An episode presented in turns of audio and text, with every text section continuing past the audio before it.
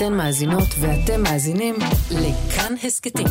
כאן הסכתים, הפודקאסטים של תאגיד השידור הישראלי.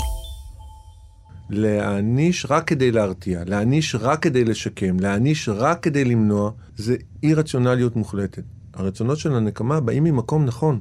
המוטיבציה מתוך הבסיסית, כאב, היא. באה מתוך כאב. אסור לוותר על הדבר הזה, זה דבר סופר חשוב. ברגע שאנחנו מוותרים על הדבר הזה, ויתרנו על הדבר הכי חשוב בשביל כולנו כחברה. עונש מוות למחבלים. ענישה או נקמה? גבוהה גבוהה, פרק אחרון לעונה הנוכחית, מתחילות. גבוהה גבוהה, שיחה פילוסופית על כל מה שבכותרות, עם ויviana דייטש.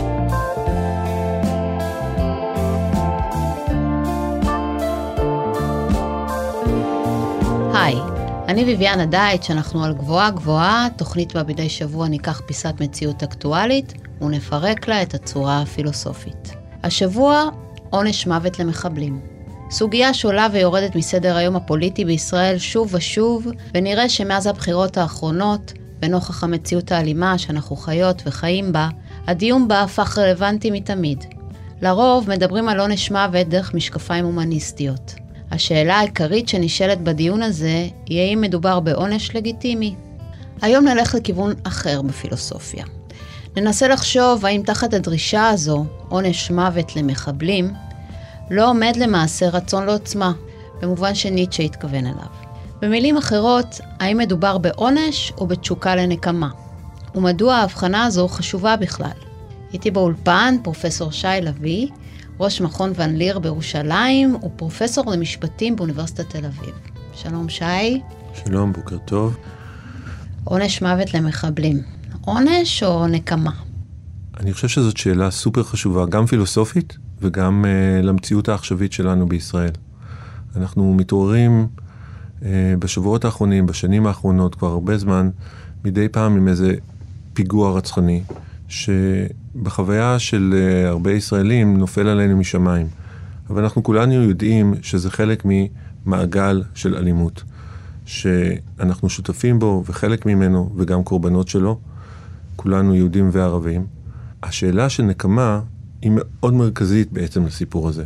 איך אנחנו מבינים את המעגל הלא פוסק הזה של האלימות, שאנחנו חייבים להבין אותו לדעתי כחלק מרצף של מעשי נקם. הדיבור על עונש מוות למחבלים הוא דיבור קלאסי נקמני. הוא דיבור שמבקש להשיב באלימות לאלימות, ולא חושב על איפה מסתיים מעגל האלימות הזה. אז בוא ניכנס לזה קצת, ואם תוכל להסביר לנו קצת על ההבדל הזה בין, או להעביר לנו מה זה עונש ומה זו נקמה, מה הכוונה. בח- בחשיבה הפילוסופית וגם באינטואיציות אה, נפוצות בציבור הרחב, עונש ונקמה הם שני הפכים. ואני רוצה לדבר על ההבדל ביניהם, ואני חושב שיש הבדל בין עונש ונקמה, אבל אני חושב שהאופן שבו בדרך כלל חושבים על ההבדל הזה הוא מוטעה לחלוטין. איך בדרך כלל חושבים על ההבדל הזה? חושבים שעונש הוא דבר מידתי, שעונש הוא דבר תבוני, שעונש הוא דבר ציבורי, שעונש הוא מוגבל באינטנסיביות שלו, ושהוא משרת מטרות חיוביות, ושנקמה היא ההפך מזה, היא ברברית, היא אישית, היא אה, אמוציונלית. אמוציונלית מאוד, היא לא יודעת גבולות, והיא לא מביאה לסוף את מעגל האלימות. ובחברה שאנחנו חיים בה, הרבה פעמים אנחנו נוטים לייחס נקמה לחברות שהן לא כמונו, לחברות ברבריות, לחברות פרימיטיביות, לאנשים לא תבוניים. אני חושב שהניגוד הזה הוא ניגוד uh, בעייתי. יש בו משהו, אבל הוא רחוק מאיפה שמקובל ל- לצייר אותו. קודם כל צריך לעצור רגע ולחשוב על מה אנחנו מדברים בכלל כשאנחנו מדברים על ענישה, ואחר כך להבין איפה נקמה נכנסת לתוך הסיפור. אז ההגדרה של ענישה, אם רוצים, אני מציע, היא גרימת סבל או כאב בתגובה להפרה של נורמה או של חוק. אפשר להסכים, זו הגדרה מאוד בסיסית לענישה. תגובה שלילית, סבל או כאב, להפרה של חוק.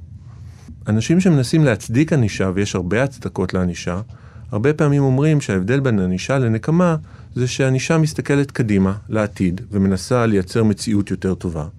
ונקמה מסתכלת לאחור, והיא תקועה בפגיעה או בניסיון להגיב למה שהיה. אז למשל אומרים שענישה היא לא נקמה, כי ענישה היא ניסיון חינוכי לחנך, או להרתיע, או למנוע. זה הרציונליות הרציונל- בעצם. נכון, זה הרציונליות ב- של ה- בניגוד לאמוציונליות. בדיוק. וכבר אה, בדיאלוג האפלטוני אה, פרוטגורס, אז, אז פרוטגורס אומר, זה לא רציונלי לנסות אה, לשנות את העבר. וענישה, אם היא רוצה להיות רציונלית, צריכה להפנות את מבטה אל עבר העתיד. להעניש לשם ענישה, להעניש רק בגלל שאנחנו מגיבים למעשה השלילי שנעשה בעבר, זה התנהגות שנתפסת במסורת הפילוסופית כהתנהגות לא רציונלית. אני רוצה להציע שזה לא נכון בכלל. אוקיי. שלמעשה ההפך הוא הנכון. שאי אפשר להצדיק ענישה רק על בסיס השאיפה שלה לשנות את העתיד. רק על בסיס השאיפה שלה להרתיע, או למנוע, או לשקם, ושיש בענישה מרכיב מרכזי שהוא פונה לעבר. ובמובן הזה, ענישה, יש בה דמיון מסוים לנקמה, ואי אפשר לבטל את הדמיון הזה במחי יד. בוא נתעכב שנייה על הפונה לעבר הזה, כן. לעומת הפונה לעתיד. כי אה, נראה לי שאת הפונה לעתיד הבנו, זה לחנך מחדש, זה ליצור חברה טובה יותר, אבל מה זה פונה לעבר? מה, מה זה אומר? הגדרנו ענישה בצורה מאוד פשוטה, תגובה להפרה של חוק. תגובה באמצעות גרימה של כאב או סבל להפרה של החוק. במילים פשוטות זה גמול. מישהו עשה משהו ואנחנו גומלים לו על מה שהוא עשה. והמטרה של הענישה היא לגמול, היא תגובה, היא ריאקטיבית, היא חייבת לקחת בחשבון וחייבת להתייחס למה שכבר קרה ולא רק למה שעומד לקרות. אם מתייחסים לענישה רק במושגים של העתיד, רק במושגים של מה היא עוד רוצה לעשות, נכנסים לסתירות פנימיות. זה פרדוקס של הענישה. מי שעמד על הפרדוקס הזה זה לואיס קארול, סופר הילדים, ואני חושב שיכול להיות מאוד מעניין לשמוע קטע מתוך, אה, אנחנו מכירים את אה, אליסה בארץ הפלאות, אבל יש. גם ספר אחר של אליס מבעד למראה, ומה שהיא ראתה שם, ובקטע מתוך הסיפור ילדים הזה, שהוא לא רק לילדים, אלא גם למבוגרים, אנחנו יכולים לי- להבין כמה משונה היא ענישה שמסתכלת רק קדימה ולא מסתכלת אחורה. אז uh, אני מקריא קטע שעוסק בעניין הזה, וזו שיחה בין אליס לבין מלכת הלבבות. זוהי התוצאה של חיים בכיוון ההפוך, אמרה המלכה בחביבות. בהתחלה זה תמיד גורם לסחרחורת. חיים בכיוון ההפוך? חזרה אליס בתדהמה גדולה. אף פעם לא שמעתי על דבר כזה. אבל יתרון אחד גדול יש בזה, שהזיכרון פועל בשני הכיוונים. אני בטוחה ששלי פועל רק בכיוון אחד, העירה אליס. אני לא יכולה לזכור דברים לפני שהם קרו. זהו זיכרון חלש למדי, אם הוא פועל רק לאחור, העירה המלכה. איזה מין דברים את זוכרת הכי טוב? העזה אליס לשאול. הדברים שקרו כעבור שבועיים, ענתה המלכה, כלאחר יד. למשל המשיכה חובשת את אצבעה באגד גדול, תוך כדי דיבור, קחי את השליח של המלך. הוא נמצא כעת בכלא, הוא נענש, והמשפט יתחיל רק ביום רביעי הבא, והפשע, כמובן, יבוצע רק בסוף. ומה אם הוא לא יבצע אותו לעולם, אמרה אליס? עוד יותר טוב, לא? אמרה המלכה, מהדקת את האגד בסרט מסביב לאצבע. אליס חשה שאת זה אין מקום להכחיש. מובן שזה יהיה יותר טוב, אמרה, אבל זה לא יהיה יותר טוב אם הוא ייענש. כאן את טועה, אמרה המלכה. יצא לך פעם להיענש? רק על חטאים, אמרה אליס. וזה הביא לך רק טובה, נכון? אמרה המלכה בנימת ניצחון. כן, אבל אני עשיתי את הדברים שנענשתי עליהם, אמרה אליס, וזה כל ההבדל. אבל לולא עשית אותם, אמרה המלכה, היה עוד יותר טוב. יותר ויותר ויותר טוב. כולה עלה ועלה עם קול יותר, עד שהפך לבסוף לצווחה. בואו נפרק נפרק את את זה, כן. הפסיכדליה הזאת קצת. אז בעצם יש פה פנטזיה. פנטזיה על האפשרות שענישה תצליח למנוע את הפשע. שענישה תצליח להרתיע את הפשע. שענישה תצליח לחנך את האנשים כדי שלא יבצעו פשעים. אבל הפרדוקס הוא שענישה תמיד מגיעה מאוחר מדי, אחרי שהפשע כבר בוצע. היא אף פעם לא מצליחה למנוע את הפשע לפני שהוא מבוצע. זה לא הגנה עצמית, זה לא- עונש מוות זה- זה- למחבלים. זה עונש מוות למחבלים. זה גם לא מעצר מנהלי. נכון, מעצר מנהלי זה חלופה לענישה. זה שאנחנו רוצים לעצור את הפשע לפני שהוא מתבצע. יש סרטים של מדע בדיוני שמדמיינים עולם כזה. אבל, לגמרי. נכון, ש... של, סופרמן. נכון, הזמן. ודוח מיוחד ש, שהיה בזמנו סרט שעסק ב, באפשרות הזאת. וגם uh, כשאנחנו כולאים אנשים כדי למנוע, נגיד אנשים שהם חולי נפש, ואנחנו מנסים, uh, ואנחנו סוגרים אותם לא בענישה, אנחנו מנסים למנוע מהם להזיק לעצמם או לאחרים. כל המעשים האלה הם אולי חשובים ואולי מוצדקים, אבל הם בוודאי לא ענישה. אנחנו מבחינים ביניהם. וההבדל הוא בין תגובה לפשע שכבר התבצע, לבין ניסיון לשנות את העתיד ולמנוע פשעים מלהתבצע בעתיד.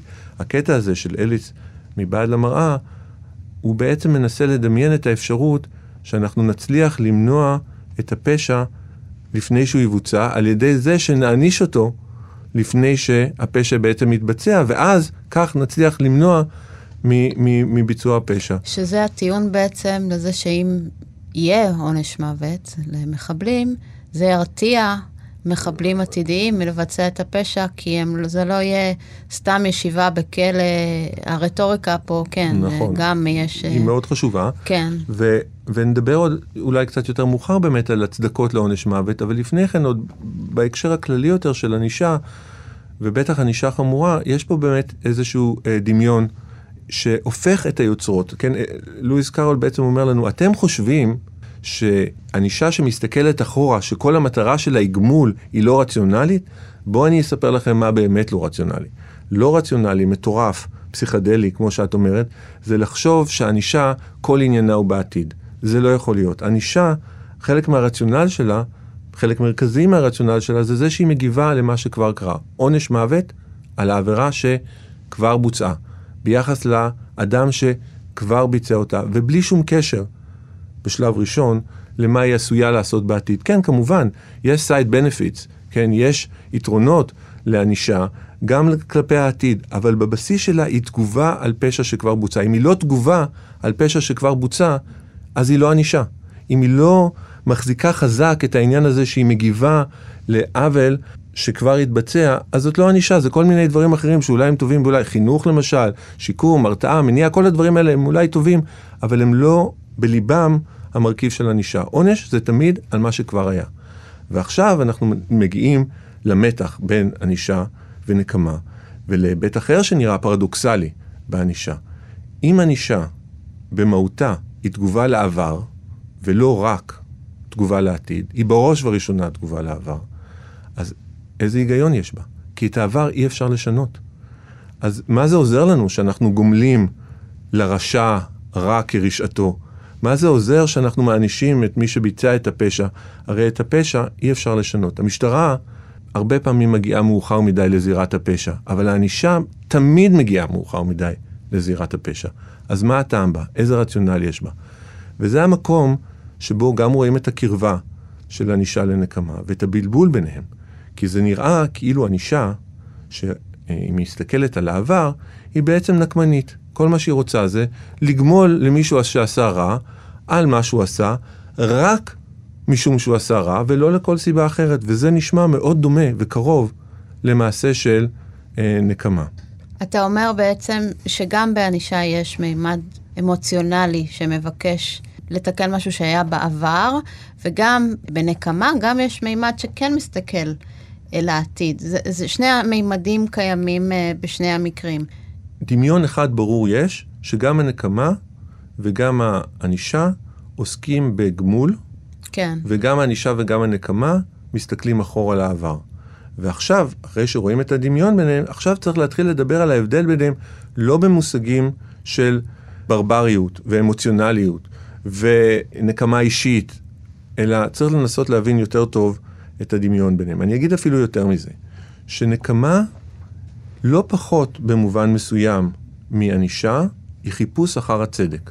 זה לא עניין רגשי, זה לא עניין קפריזי. זה יכול לא להיות עניין, שגם אם זה עניין אולי רגשי, כן, זה לא רק בסדר. עניין, כן, נכון, בדיוק כמו שאת אומרת. זה, את מתקנת אותי ומדייקת, זה נכון.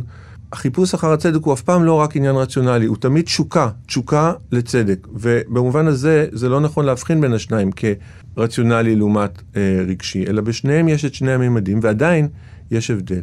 אז מה ההבדל? אז מה ההבדל? אז ההבדל הוא שנקמה מחפשת צדק מוחלט.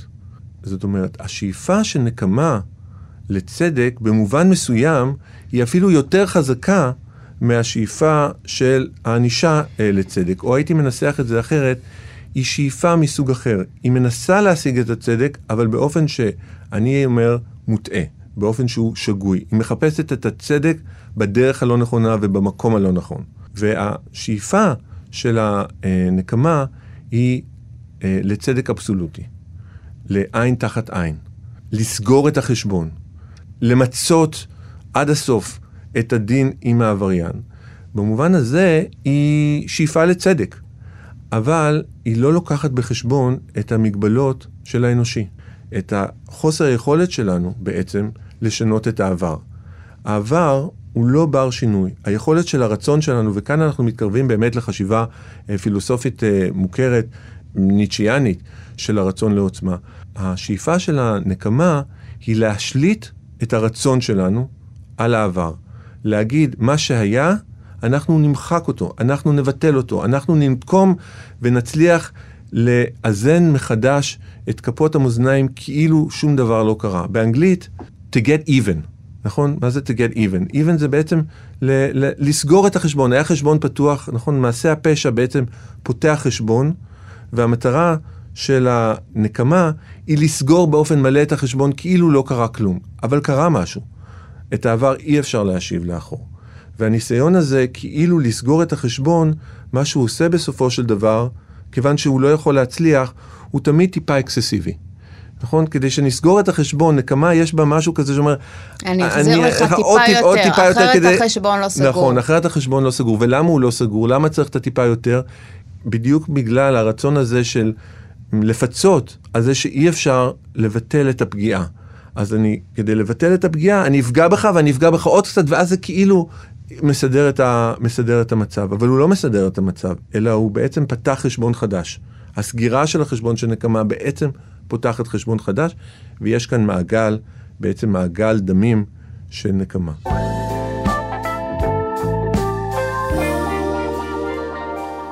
זה מזכיר לי את אה, הניסיון להעניש את גרמניה אחרי מלחמת העולם הראשונה, שמוביל אה, אה, לעליית הנאציזם בגרמניה, ווואו, מה שזה הוביל אחר כך במלחמת העולם השנייה, וכולנו יודעים... אה... זה מאוד, זה מאוד, אה, מאוד מעניין מה שאת אומרת, ושאת מביאה את הדוגמה ההיסטורית. אני חושב שאפשר גם לספר סיפור מסוג אחר על לקחים אולי שהופקו במלחמת העולם השנייה. הרצון לנקמה בנאצים הוא הרצון הכי טבעי בעולם. הרצון לצדק, לא לעבור לסדר היום ולנקום באומה הגרמנית, לא רק uh, של היהודים, אבל גם של היהודים, כן? ש, שמחפשים נקמה, והיו ניסיונות כאלה ואחרים על ידי קבוצות יהודיות שונות uh, לנקום בנאצים. סבא שלי היה מספר לי על, על, על זה שהוא היה חבר בקבוצה כזאת של נוקמים, ש, שניסתה לחפש uh, צדק. אבל מהר מאוד, אני חושב, לכל מי ש... היו לו פנטזיות וגם היה מעורב במעשי נקם, מהר מאוד מתברר אחד מהשתיים. או שהנקמה מכלה אותך, אתה בעצם אף פעם לא מסוגל להשקיט את האי הצדק הזה, כי הוא באמת לא יכול להימחק והפגיעה נשארת פתוחה, או שאתה משחרר. או שאתה מבין את המגבלות של היכולות האנושיות להעלים את הפשע שנעשה, לסגור את החשבון, ויש שם איזשהו פער או פתח שמשאיר אפשרות למשהו אחר, ועליו אני רוצה לדבר. אני חושב שאחד הסיפורים הקלאסיים המכוננים בתרבות המערב הוא הטרגדיה של אייסחילוס, אה, האורסטיה. יש שתי קריאות שונות באורסטיה.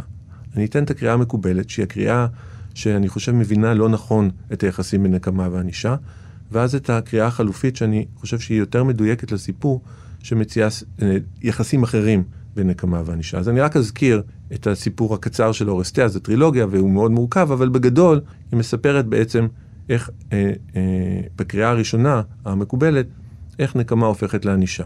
והסיפור הוא, הסיפור הידוע על מלחמת טרויה, על אגממנון המלך שיוצא למלחמה, הרוחות והאלים לא, לא לצידו, והוא נדרש להקריב את ביתו, את איפיגניה, כדי להשקיט את זעמם של האלים, והוא יוצא למלחמה בטרויה וחוזר כמנצח, אבל עם הרבה אבדות.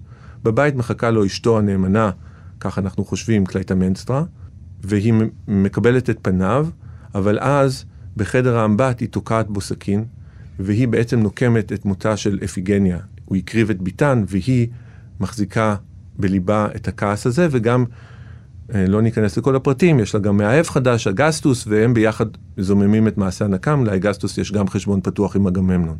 השלב הבא בטרילוגיה, זה השלב שבו מישהו צריך לנקום את מותו של אגממנון, בנם, אורסטיס, יוצא למסע נקמה, הורג את אגסטוס, את המאהב של אמו, וגם את אמו עצמה ברגע הדרמטי שבו היא חושפת שד ואומרת, פה אתה רוצה לתקוע את הסכין, והוא בעצתו של אפולו הורג אותה, ומעגל הנקמה ממשיך. ובחלק השלישי של הטרילוגיה, שנקרא נוטות החסד, מי שמופיע על הבמה של המחזה, הן אלות הנקם, האירניות, והן עכשיו באות לנקום את מותה של קלייטמנסטרה מידיו של אורסטיס. והן רודפות אותו, והוא בורח למקדשה של אתנה. ואז מתנהל שם משפט. ואתנה, אלה אתנה, שופטת בין הצדדים, וקובעת שאורסטיס הוא אה, חף אה, אה, מאשמה, כי בעצם הוא רק ביקש צדק בזה שהוא הרג את אמו, על זה שהיא רצחה את אביו. בדרך כלל אנשים גומרים את הסיפור פה, ומספרים את זה כסיפור על איך התרבות המערבית התגברה על מעגל הנקם בבית המקדש של אתנה, שהיא מקיימת אה, משפט, והמשפט הפלילי הוא בעצם סופו של מהלך של נקמה ומביא את הנקמה לסופה. אבל זה לא המחזה. המחזה הוא על טרנספורמציה אחרת.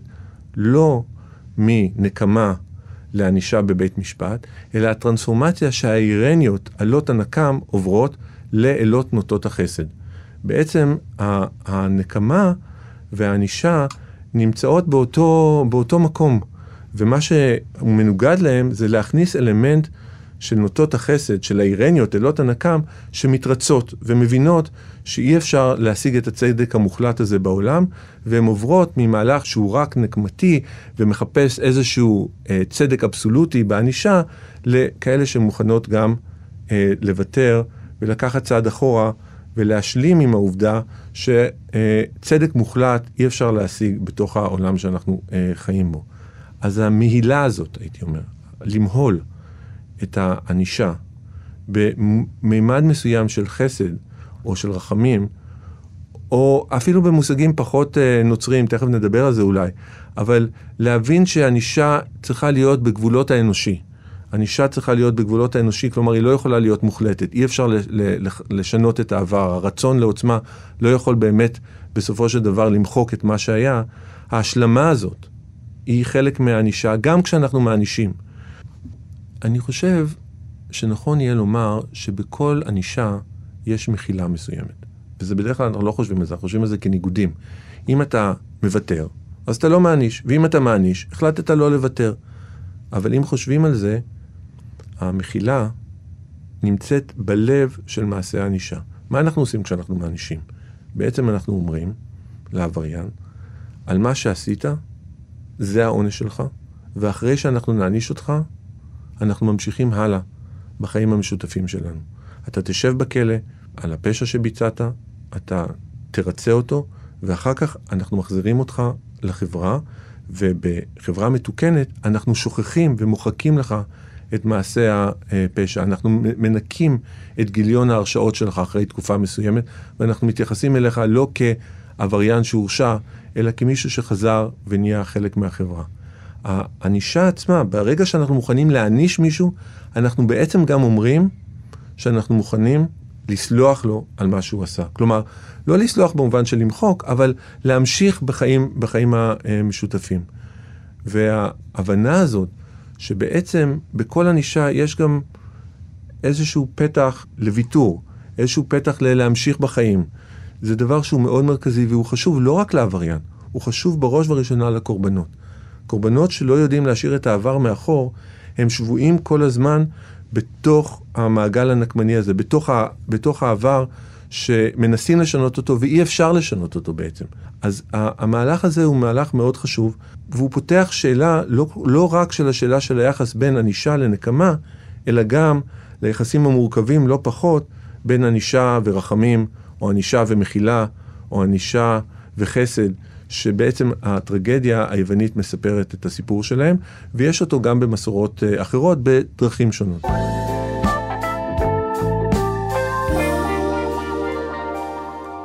עבור מי שמצטרפת אלינו עכשיו, אנחנו על גבוהה גבוהה, אני ויביאנה דייט, שאיתי באולפן פרופסור שי לביא, ואנחנו משוחחים על עונש מוות למחבלים. אנחנו מתמקדים בעיקר בהבדלים בין ענישה לנקמה. עכשיו הייתי רוצה להכניס עוד משהו למשוואה. הרי אנחנו מדברים על משהו אה, בהקשר שלנו מאוד קונקרטי ומאוד פוליטי. אנחנו בתוך סכסוך. כל הדבר הזה הוא בקונטקסט הרבה יותר מורכב, כי זה לא שיכול לשבת באמת בית דין ולהגיד, פה מגיע עונש, לא משנה אם זה עונש או אה, נקמה או ענישה, מה, מה שלא יהיה, תמיד יש נקודת מבט. ושם זה הופך למורכב יותר. את מעלה נקודה מאוד חשובה להבנה שלנו של המשפט, והיא קשורה באמת לדרך הרגילה שמבחינים בין ענישה ו- ונקמה. ענישה בדרך כלל נתפסת כאובייקטיבית, כציבורית, כן, כניטרלית, כן. ונקמה נתפסת כאישית. ובמסגרת המהלך הכללי שאני מציג פה, אני חושב שצריך לוותר גם על ההבחנה הזאת.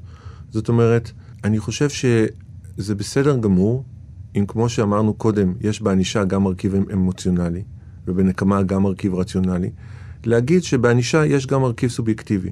זה ברור, במיוחד במשפטים פוליטיים, שהם לא ניטרלים. יש פה קהילה פוליטית, בתי המשפט הם בתי משפט ישראלים, הם שופטים הם מחבלים, שנתפסים בין היתר גם כאויבי המדינה, והמחשבה על האפשרות של לייצר בית דין ניטרלי לגמרי, כאילו כוחות האו"ם מגיעים ושופטים, ככל הנראה, אה, במקרה הטוב, אה, אידאה נחמדה, אבל אני אפילו הייתי אומר, אולי אפילו לא אידאה. אה, אולי לא בדיוק מה שאנחנו רוצים לשאוף אליו, בטח לא בהקשר של משפטים שיש להם היבט פוליטי. המחשבה שאם בית המשפט הוא בית המשפט של הקהילה, אז הוא לא יכול להגיע לצדק ביחס לעבריין, היא לא מחשבה נכונה. המחשבה הזאת שחייבת להיות איזושהי ניטרליות, איזשהו מבט משום מקום, זה לא תנאי לצדק. כמו שכבר רמזתי קודם, גם לקהילה יש אינטרס אמיתי לא לנקום, אלא להעניש. כלומר, במושגים שדיברנו עליהם, לא לנסות להעלים את העבר, אלא לנסות להכיר בעובדה שאת העבר אי אפשר לשנות, ולא לנסות למצות את העוצמה שלה על העבריין, אלא להכיר במגבלות של הכוח, ה, של הכוח האנושי. זה לא רק אינטרס חיצוני, זה לא רק אינטרס של העבריין המורשע, אלא זה גם האינטרס של הקהילה לשחרר, של הקורבן אה, לשחרר. מה זאת אומרת לשחרר? לשחרר זה, זה לא לוותר, זה להמשיך הלאה. זה להמשיך הלאה בלי לחשוב שאפשר לבטל את מה שהיה בעבר. צריך להגיב למה שהיה בעבר, אי אפשר לעבור לסדר היום על מה שהיה בעבר, צריך להעניש על מה שהיה בעבר, אבל גם צריך לפתוח את הפתח לקהילה הפוליטית, לקורבן של מעשה העבירה, גם להמשיך, אה, גם להמשיך הלאה. במובן הזה, אין ניגוד הכרחי או מתחייב בין עמדה קהילתית לבין אה, עשיית צדק, במובן שאנחנו מדברים עליו, והיא לא חייבת להתגלגל למעשה של אה, נקם. הבחנה נמצאת במקום אחר, לא בין הסובייקטיבי והאובייקטיבי, בין האישי וה, והציבורי, אלא במקום של היחס הטמפורלי אל העבר וההבנה של מגבלות הרצון. להגיד, ככל שאני אפעל יותר חזק, ככל שאני אחסל, ככל שאני אמית, ככל שאני אביא אסון על מי שהביא עליי אסון, כך ייטב לי, זאת מחשבה שגויה, פוליטית, צריך לומר, אבל גם שגויה מנקודת מבט פילוסופית, מנקודת מבט אנושית, כי היא לא מבינה שה, את, את גבולות היכולת האנושיים. וזה באמת מחבר אותנו ל, ל, למחשבות האלה של, של ניטשה, על הרצון, הרצון, לעוצמה. על הרצון לעוצמה. בוא נסביר קצת. אצל ניטשה יש באמת את המושג הזה של הרצון לעוצמה, וגם מושג אחר מוכר של החזרה הנצחית. נכון. ומנקודת המבט שאנחנו מדברים עליה עכשיו, הרבה פעמים חושבים על הדברים האלה כהפכים. הרצון לעוצמה זה כאילו להחליט שאתה יכול שמה שאתה רוצה יהיה. והחזרה הנצחית זה כאילו שאתה מאבד שליטה והעבר כל הזמן חוזר אל העתיד. וזה נתפס כאיזשהו ניגוד או סתירה פנימית בכתיבה של uh, ניטשה. אבל זה לא סתירה, וזה לא ניגוד.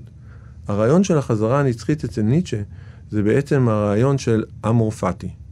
הרעיון שאתה יכול לרצות, כן, להפוך את, ה, את הזמן להיות אה, כפוף לרצון שלך. באיזה מובן? במובן שאתה תרצה את מה שהיה. אתה תרצה שמה שהיה, מה שהיה זה לא משהו מת שכבר קרה ואין לך שליטה עליו, אלא להפוך את מה שהיה למשהו שאותו אתה רוצה. ובמובן הזה זה מייצר את החזרה הנצחית. אה, ניטשה מספר שהיה לו חלום כזה, ושהחלום הזה, או המחשבה הזאת, אה, נטרלה אותו לשבועות ארוכים, הוא הרגיש חולה. והמחשבה הייתה שאולי בעצם אנחנו חיים במעגל נצחי, שבו כל מה שהיה הוא שיהיה, ושאנחנו בעצם כלואים באיזשהו לופ כזה, באיזשהו לופ של חזרה נצחית, שבו החיים שלנו יתחילו ויגמרו, יתחילו ויגמרו, יתחילו ויגמרו, וכל, נחיה לנצח בדיוק את אותם חיים. המחשבה הזאת מובילה את ניטשה להתמודדות איתה, והדרך להתמודד עם זה שהחיים שלנו יתרחשו כמו שהם התרחשו, זה לרצות אותם באותו אופן. אמורפטי זה הרעיון של לאהוב את הגורל שלך, כאילו את מה שלא היה לך שליטה עליו, את מה שקרה לך, בין אם רצית ובין אם לא רצית, להפוך את זה להיות הרצון שלך. והדרגה הגבוהה של האוברמן, של האדם העליון, היא היכולת להשתלט באופן הזה על הזמן. להפוך את העבר להיות משהו שהוא לא נתון שאין לך שליטה עליו, אלא משהו שיש לך שליטה עליו, והשליטה שלך עליו היא בזה שאתה תרצה שהוא יחזור שוב. שהוא יהיה תולדה של הרצון שלך. ואז החזרה הנצחית מסיוט הופכת להיות בעצם למקור לעוצמה. ושם אני באמת רואה את הנקמה, כי היא משמרת את אותו מעגל נצחי של אה, שפיכת דמים, אה, אני אנקום ואז אתה תנקום, ואז אני אנקום ואז אתה תנקום. בדיוק. אז המעגל הזה הוא גם המעגל של הרצון שאומר, אני אצליח להשתלט על כל הסיטואציה הזאת, אני אצליח להעלים את הדבר הזה, והנקמה חושבת שהיא תצליח להתגבר על הפשע בזה שהיא תפעיל יותר עוצמה, בזה שהיא תחסל את הפושע, בזה שהיא תטיל עונש מוות על המחבלים. זאת אשליה, ואשליה מסוכנת שניטשה שבוי בתוכה. זאת אשליה ניהיליסטית. זאת אשליה ששמה במוקד של החיים האנושיים את הרצון האנושי, ולא מבינה את המגבלות של הרצון האנושי.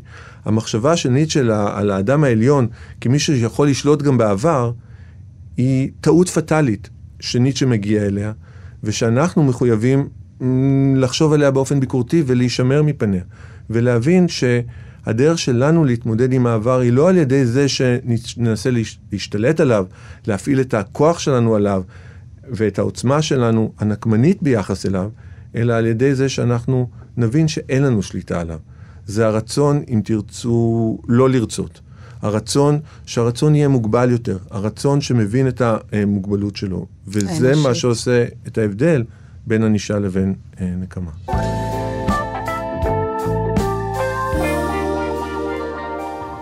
אי אפשר להתעלם מהרגשות שעומדים תחת הרצון לעצמם. כי גם למחוק את זה ולהגיד, אה, זה דבר מה, לא, זה לא רציונלי, זה ככה וככה, אנחנו גם שם משתיקים משהו. גם פה יש איזה סוג של נקמה או עונש בהשתקה הזאת, שיכולה לחזור אלינו אחר כך ולהתגלגל אלינו.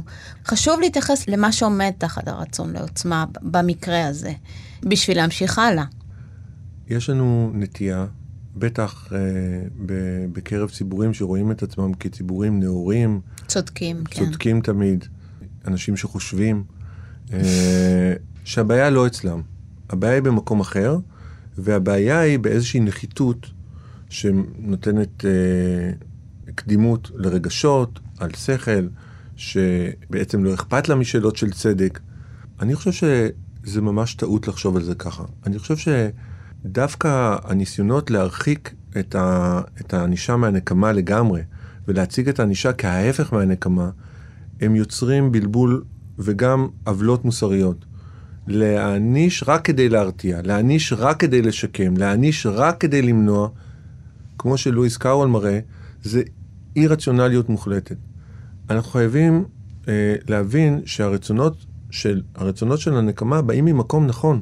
הם, המוטיבציה הבסיסית, מתוך כאב, ממש. היא באה מתוך כאב, ולא רק כאב, אלא גם מתוך רצון לצדק. זה, זה, כן. זה, זה, זה, אסור לוותר על הדבר הזה, זה דבר סופר חשוב. ברגע שאנחנו מוותרים על הדבר הזה, ויתרנו על הדבר הכי חשוב אה, בשביל כולנו כחברה. כן. וחייבים לראות את זה, ולא לראות את זה רק אצל האחרים, אלא לראות את זה גם אצלנו. ה, ה, לראות את הרצון שלנו לנקמה, לא לנסות... אה, לטשטש אותו, לא לנסות להדחיק אותו, אלא לשים אותו על השולחן ולהגיד, זה מאוד קרוב לענישה, אבל זה לא, אבל זה מאוד קרוב לענישה.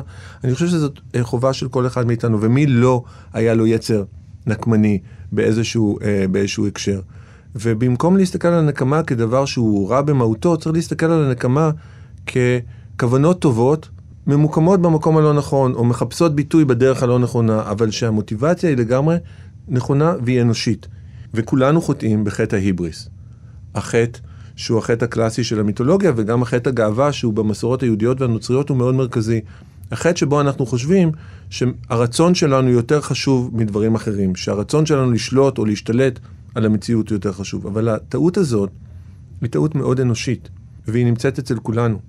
ואנחנו צריכים לא לוותר על הרגשות שלנו, ובטח לא על רגשות הצדק שלנו, שנכון לדבר על רגשות הצדק ולא רק על תבונת הצדק, אלא רגשות הצדק שלנו, אבל אה, להבין גם את המגבלות שיש לנו בלממש אותם בתוך, ה, בתוך העולם. ו, ו, והדבר הזה עשוי לקרב, אה, לקרב אותנו לחלקים אחרים באוכלוסייה הישראלית, וגם להבין את המוטיבציות בצד ה... נקרא לזה רגע בצד השני, בצד אה, הפלסטיני בהקשר, בהקשר הישראלי, להבין שהביטויים האלה של הנקמה בצד, אה, בצד הפלסטיני, כמו, הם גם נובעים מרצון אה, של צדק, שאולי לא בא לביטוי בדרך שהיינו רוצים שיבוא לביטוי, אבל המוטיבציה שם היא לא מוטיבציה ברברית, לא אנושית, שבאה ממקום של האיד, ולא מהמקום של, ה, של, ה, של הרציו, של האגו. זה, הדברים האלה, אני חושב, הם, הם, הם חשובים, והם חשובים גם בשביל שאנחנו נבין שהכיתובים האלה שאנחנו רואים בחברה, הם הרבה, כיתוב, הרבה פעמים כיתובים פנימיים, והם גם קשורים באמת למתח הפילוסופי. ופה אני אגיד עוד מילה אחת, אנחנו חושבים, ופה ניטשה הוא, הוא, הוא תובנה חשובה עבורנו, אנחנו חושבים שהנקמה מאפיינת יותר חברות פרימיטיביות, נקרא להן במרכאות, או חברות פרה-מודרניות, או חברות מסורתיות. האמת צריכה להיאמר שככל שיש יותר רצון לעוצמה, והרצון לעוצמה מתאפיין דווקא אצל ניטשה, דווקא בחשיבה ה... נקרא לה של האדם המודרני, ש, שלא רואה אלא את האדם המודרני כמרכז העולם, כמרכז הקוסמוס, דווקא שם הנקמה אין לה את האיזון שיש לה בתרבויות אחרות, ששם היא מתאזנת גם עם הסולחה, גם עם, זאת אומרת, הנקמה תמיד באה עם מנגנונים שמייצרים את האיזון שלה לא דרך ענישה, אלא דרך הוויתור על ענישה, נכון? ובחברות שבהן יש נקמת דם, יש גם מוסדות מאוד ברורים של, של סולחה, ומה שמאפיין את החברה המודרנית דווקא, היא ההיעלמות של המוסדות האלה, אין מספיק כאלה מובנים לתוך התרבות שלנו, הבנה שאנחנו צריכים לוותר, הבנה שיש רגע מסוים שצריכים פשוט להמשיך הלאה. דיברנו על ענישה ו- ונקמה בהקשר של ענישה ונקמה, אבל פה באמת יש איזה מימד מאוד מאוד סופי שהוא עונש מוות. העמדה שלי היא שעונש מוות לכשעצמו, לא הייתי פוסל אותו על הסף. בהקשר הישראלי, זה אף פעם לא הדיון. הדיון הוא אף פעם לא על להטיל עונש מוות על מחבלים יהודים. הסיפור הוא תמיד עונש מוות למישהו אחר. אם היינו רוצים לקחת ברצינות, מישהו רוצה לקחת ברצינות את הרעיון של עונש מוות, חייב גם להבין שהוא יוכל באותה מידה על אה, יהודים ועל לא יהודים, וזה מאוד רחוק מהדמיון אה, המוסרי אה, בחברה הישראלית. אגב, בדיון על זה, כשמדברים על עונש מוות למחבלים, מחבל הוא לא יהודי. כן. מחבל הוא מי שפוגע במדינת ישראל. כלומר, יש פה הבחנה מאוד ברורה. אותם אנשים שמבקשים עונש מוות למחבלים, תולים תמונות של מחבלים יהודים בסלון שלהם. זה, יש פה כאילו שני עולמות שונים, יש שם ספליט מוחלט, ולכן אני לא חושב שהדיון הוא בכלל בשאלת עונש המוות. נשאל שאלה אחרת או ממקום אחר. עונש מוות לנאצים, עונש מוות לאייכמן. אני חושב שזה בהחלט משהו שראוי ואפשר לחשוב עליו, אבל כדבר של יוצא מן הכלל שביוצאים מן הכלל, כדבר שהוא, שהוא, שהוא כמעט על הגבול בכלל של המחשבה שלנו של ענישה. לפעמים יש, לפעמים יכול לקרות מצב של פשעים שאנחנו לא מוכנים להעניש, כי אנחנו גם לא רוצים לסלוח, שאנחנו לא מוכנים להעניש וללכת הלאה, אלא שאנחנו פשוט רוצים לקשור ריחיים בצווארו של הפושע ולהעיף אותו כן? כמו שארנד כותבת על משפט אייכמן, שאי אפשר לחלוק עם אותו אדם את האדמה הזאת, כן? ואז זה לא בדיוק ענישה, זה משהו אחר. ואז בהקשר הזה, עונש מוות, או אולי אפילו צריך להגיד, אה, תגובה של הריגה על מעשה של פשע, שזה לא בדיוק עונש או עונש מסוג אחר, היא לגמרי יכולה להיות רלוונטית, אבל כדבר חריג ביותר. בטח לא באופן שבו מדובר עליו במציאות הישראלית.